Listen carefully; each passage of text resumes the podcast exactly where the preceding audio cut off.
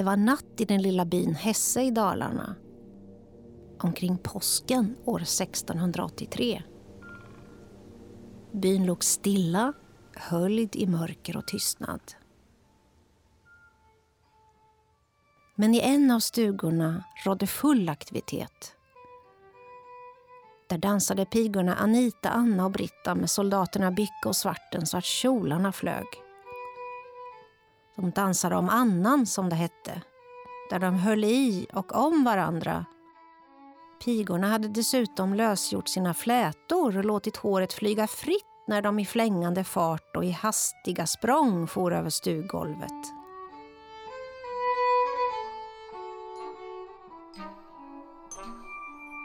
Du lyssnar på Anekdot Essä, Midnattsdansen.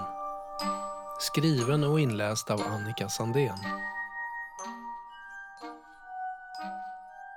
Utsläppt hår var det bara kyska brudar som hade. I alla andra sammanhang som det här signalerade det osedlighet. Pigornas och soldaternas ystra lek skulle nu inte stanna vid sprången och det virvlande håret. Vid någon tidpunkt växlar de upp alltsammans och byter kläder med varandra. Tränne pigor hade klätt sig i manfolkskläder, får vi veta. Anita, Britta och Anna hade manfolksrockar och hattar på sig. Och soldaterna Bycke och Svarten hava klätt sig i kvinnfolkskläder. Nog är det ett uppsluppet och livsbejakande ögonblick som springer fram ur de gamla protokollshandlingarna. Och allt detta i Dalarna, där de fasansfulla trolldomsrättegångarna ägt rum bara några år tidigare. Rimligen har människor lekt och roat sig i alla tider och därför helt säkert också på 1600-talet. Men seklet har av historiker gärna framställts som synnerligen bistert och svårt. Obestridligen var det tiden för de otaliga krigen, för de långa kalla vintrarna, de blöta vårarna och de alltför korta somrarna med erbarmliga skördar och hungersnöden som följd. Lika obestridligt var det då som centralmakten växte fram och en tid då kyrkan krävde lydnad hos folket under hot om utanförskap och drakoniska straff. Bilden av seklet har antagligen också präglats av att de källor som bevarats för eftervärlden i hög utsträckning springer konflikter, våldsdrabbningar, nöd och missförhållanden. När livet gick sin gilla gång skrevs knappast några inlagor till häradsrätter eller domkapitel kan man tänka. Möjligen har denna dystra men väl bekanta bild av 1600-talet förstärkts genom de efterföljande århundradenas många framsteg. I takt med upplysningens ideal, nya politiska debattformer, tryckfrihetsförordning, sekularisering och naturvetenskapliga landvinningar skulle levnadsvillkoren förbättras avsevärt för många människor och bilda en dramatisk kontrast till det våldsamma, krigshärjade och svältdrabbade 1600-talet. Redan under 1700-talet uppmärksammades det tidigare seklets jämmerliga levnadsförhållanden. Den franske 1700-talsfilosofen Voltaire förfasades av seklets ohyggliga krig och återkommande missväxtår samt de sjukdomar som obönhörligt svepte fram över jorden. Eftervärldens bild av denna tid har inte varit ljus. Ungdomarna i Hesse får emellertid fram över stuggolvet som fanns det inga bekymmer i världen. Kan händelsen säga oss något om den tid som var deras?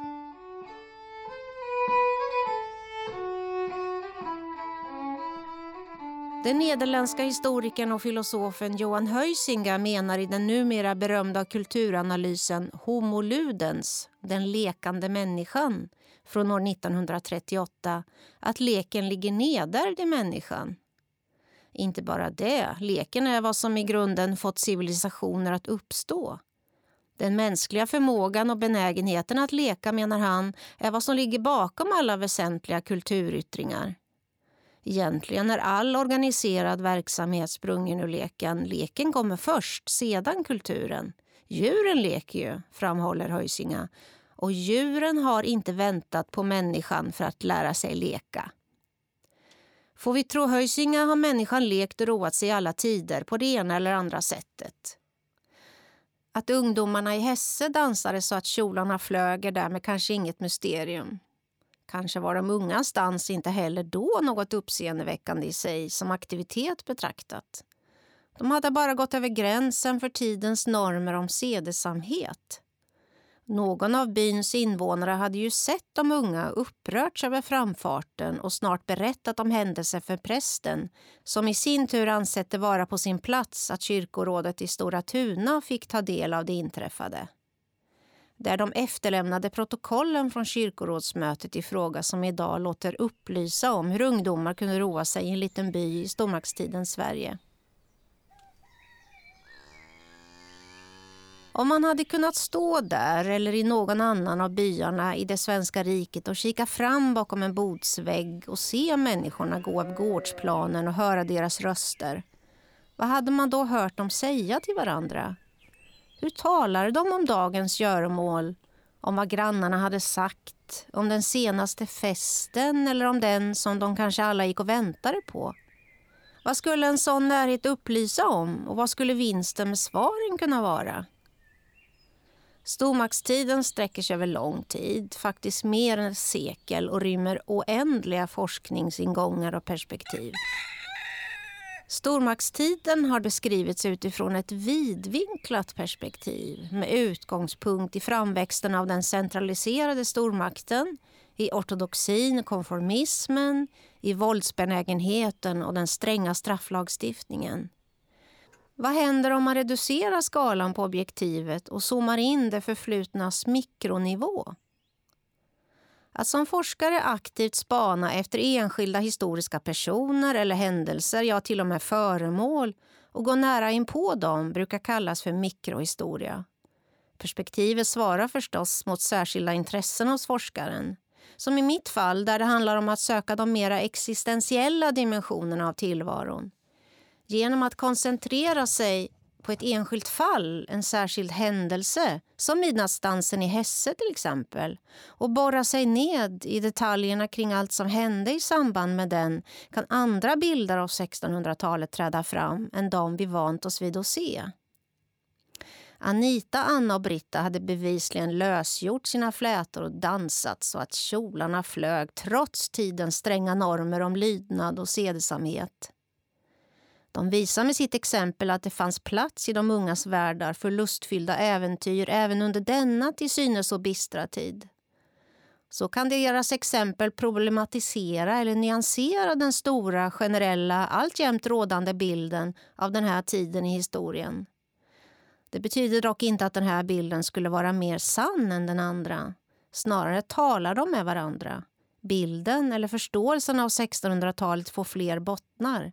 Den blir mera mångfacetterad. I bästa fall blir den rikare.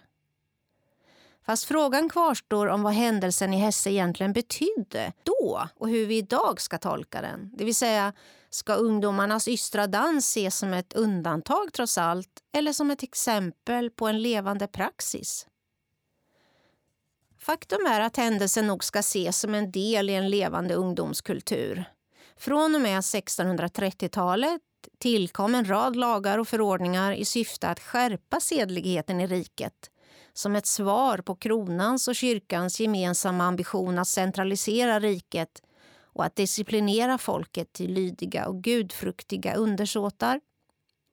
De formella förbuden i sig, liksom de många uppmaningarna från präster runt om på rikets sockenstämmor vittnar förstås för det första om att kyrka och statsmakt önskade ta ett fastare grepp om de folkliga sedvänjorna. Förbuden och förmaningarna av vad folk nu inte längre fick göra med varandra eller vilka situationer och umgängesformer som ansågs vara förenade med risker ger därmed indirekta men ytterst värdefulla uppgifter om hur det kunde gå till när ungdomar roade sig eller när folk ställde till med kalas. I Mora hette det exempelvis på 1640-talet att de unga inemot söndagarna måste sluta ränna omkring i socknen på frieri. Här syftade prästen på den gamla nattfrieriseden i vilken ungdomarna låg bredvid varandra om nätterna på höskullen eller i något uthus. Enligt reglerna för denna sed skulle de vara helt påklädda och inte röra vid varandra. Denna sed ser intressant nog ut att ha varit etablerad i stora delar av Sverige sedan århundraden tillbaka som en form av sluss mellan å ena sidan stränga normer om avhållsamhet och intimitet och parbildning å den andra. Kyrkan skulle inemot 1600-talets mitt komma att anse seden vara riskfylld. Och visst hände det att de unga gjorde annat än att småprata med varandra. I Mora hade prästen vänt sig emot ungdomarnas nattfriande. I alla fall nätterna in mot söndagarna. De borde prioritera sina gudstjänstbesök, menade han, som blev lidande av nattlekarna. Tiotalet år därefter gjordes nya upprop mot oskicket att drängarna med pigor begynna sitt frieri ut i fähuset på Gällan, loftet. Seden av nattfria var med andra ord högst levande. Dans och musik var på 1600-talet självklara delar av alla slags festliga och glädjefyllda sammankomster. Det dansades på julkalasen och runt majstången, på bröllop, på dopkalas, på marknader, efter sådden, efter slotten och skörden. Faktiskt var och när som helst det var uppsluppet och glatt. Det fanns vid tiden därtill många sätt att dansa. Dels fanns de många härmdanserna som den ännu idag kända Räven raskar över isen Dels var det ihopparningsdanserna, pantlekarna eller fria lekarna som exempelvis Bro Bro Breja. De allra flesta av dessa lekar handlade om att bilda par. Lekarna talade sannolikt därför särskilt till de unga de unga verkar ha tagit varje chans att mötas och iordningställde danser även utanför de hävdvunna festtillfällena som vid jul, midsommar och mickelsmäss. Inte sällan till kyrkoledningens stora förtret. Särskilt oroande skulle kyrkan finna ungdomsvanorna bli inemot mitten av seklet. Då hade polskan kommit till Sverige det slags dans där de unga stod mitt emot varandra, alldeles nära och höll i eller om varandra eller om annan, som det hette att pigorna i Hesse hade dansat. Och så snurrade de dansande fram över golven i flygande fläng som i kyrkans ögon var ett opassande och högst illavarslande sätt att roa sig på. Dansen utgjorde grundkomponenten i tidens alla fester och glädjefyllda tillställningar. Särskilt för unga människor som önskade kurtisera och uppvakta varandra var dansen den självklara formen för möten. Några dansbanor fanns dock inga. Ungdomarna såg därför till att finna sina platser. De möttes upp vid julkalasen, på bröllopen, runt midsommarstängerna, vid ett backkrön om lördagskvällarna, på en loge, på en av de blommande ängarna eller där någon låg lik Faktum är att det hade varit just vid en likvaka, eller vakstuga som det oftare hette, då Anna, Britta och Anita hade bytt kläder med soldaterna och tumlat om över golven. Att någon just hade dött var uppenbarligen en lika god anledning som någon annan att komma samman och roa sig. Ungdomar verkar rent av ha nosat rätt på var någonstans i trakten som någon låg lik för att bege sig dit och dansa oavsett om de själva var bekanta med den som just hade dött. Så tänkte nu nödvändigtvis inte endast de unga. Sedan århundraden tillbaka var föreställningen den att när någon gått bort var onda och goda makter genast på plats för att kämpa om den avlidnes själ. Sorg och klagan skulle undvikas, som kunde få den döde att senare ligga obekvämt i jorden och i värsta fall börja gå igen. De närstående måste vakta och vårda med böner och psalmsång samt nu även med skratt, dans och glädje för att föra den dödes själ säkert över till andra sidan. Enligt traditionen skulle prästen vaka vid den döde under minst en natt. Till vakan anslöt grannar och vänner med mat och dryck för att göra natten mindre lång. Dansen, leken och glädjen var därmed ett sätt att värna den dödes själ. Men säkerligen också ett välkommet avbrott i vardagens knog. Mikroperspektivet på livet i byn kan som sagt öppna upp för vad som hände på mer vardaglig basis. Det dagliga arbetet pågick från morgon till kväll. Arbetet med jorden utförde byns invånare som regel gemensamt liksom andra större arbetsinsatser som storkoken, byken, slakten och många andra av de otaliga moment i det ständigt pågående arbetet. Intressant nog syns snart sagt vartenda avklarat arbetsmoment ha avfirats med mat och dryck, spel och dans. Som när jorden bearbetats inför säsongen, vid härsningen, vid sådden, slottern, bärgningen. Samma uppsluppna tillställningar anställdes när någon skulle flytta. Då bistod byalaget med hästar och sin hjälp för att när arbetet var avklarat hålla flyttöl. När grannarna kört hem timmer och ved från skogen vankades timmerölet. Alla i byn pytsade in vad de kunde vilket sannolikt är anledningen till att det var möjligt att ordna så många fester över året.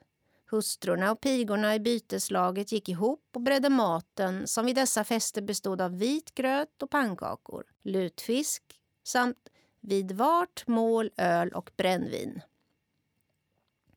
Sedan klagade sockenstämmarna på att folket inte orkade upp i sina sängar om söndagsmorgnarna. En Per Andersson hade med en stor del av socknens ungdom natten förut hållit lek och vakstuga. Per Andersson var helt slut när morgonen kom, bakfull antagligen och hade därför om midsommardagen under gudstjänsten sovit i kyrkan och inte låtit väcka sig. I Hedemora i Dalarna hade det vid Mickelsmäss år 1629 hållits hela fyra olika bröllop i församlingen. När söndagsmorgonen kom hade ingen kommit till kyrkan, inte heller två av de förrättande prästerna. En skandal, menade biskopen, som dömde prästerna och de respektive gästabudslagen till böter. Festen och leken tycks helt enkelt ha varit invävd i vardagen. Inte sällan tycks de ha tangerat det tillåtnas gräns och blivit ett ärende vid någon rättslig instans som alltså idag låter oss ta del av vad som kunde pågå i byarna. Så kan vi se hur några flickor i 10 till 12-årsåldern lekte bröllop inne i en kyrka, hur några andra gick omkring och sjöng en snuskig visa de själva komponerat, hur andra diktade ihop visor om traktens folk så att åhörare slog sig på knäna av skratt.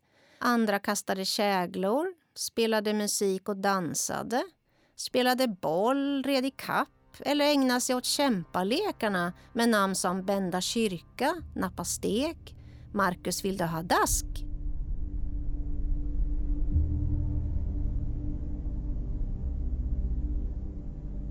Om leken och längtan efter glädje är något som finns hos människor och om även den stormaktstida allmogen ställde till med kalas och festligheter ibland betyder det att den traditionella bilden av 1600-talet ska slängas över bord. Det ligger ingen motsättning i att festerna skulle vara många i en tid som rent allmänt var bister. Möjligen är det precis tvärtom, nämligen att lidandet krävde sina stunder av glädje, fest och nöjen.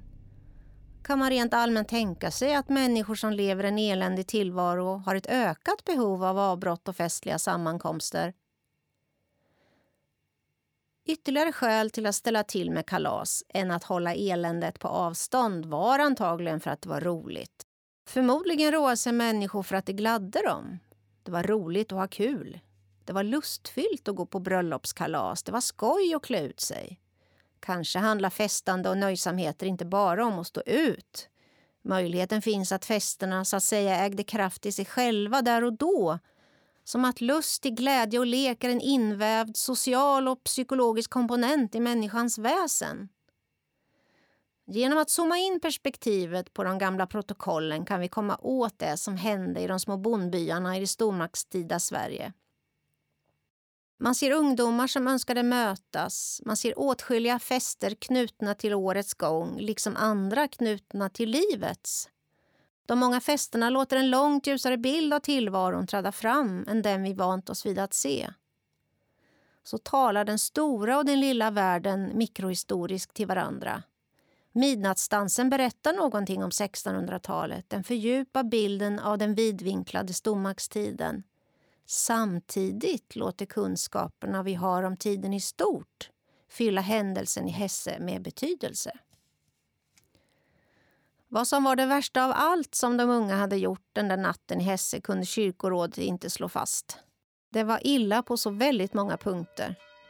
Sedan det nu ändå hade hänt förlåg möjligheten av att göra en pedagogisk poäng av det inträffade i syfte att varna andra. Pigorna dömdes att under tre söndagar stå i vapenhuset för att där bli betittade av församlingen på vägen in och ut ur kyrkan. Pigorna till Nesa och Androm till Varnagel. Dessutom skulle prästen från predikstolen upplysa församlingen om det förfärliga i vad de hade gjort. Bestraffningen av de två soldaterna skulle fänriken Petter Kristersson däremot ta hand om. Även för soldaterna väntade skamstraff. De skulle få hänga på väggen till ett förråd vid kyrkan nästa söndag inför de gudstjänstbesökande församlingsborna. Och skämmas.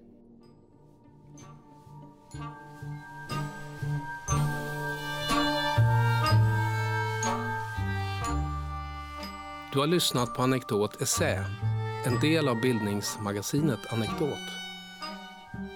Redaktör Hedvig Hernsten, musik Oskar Schönning, regi Lars Indibeto, producent Magnus Bremmer.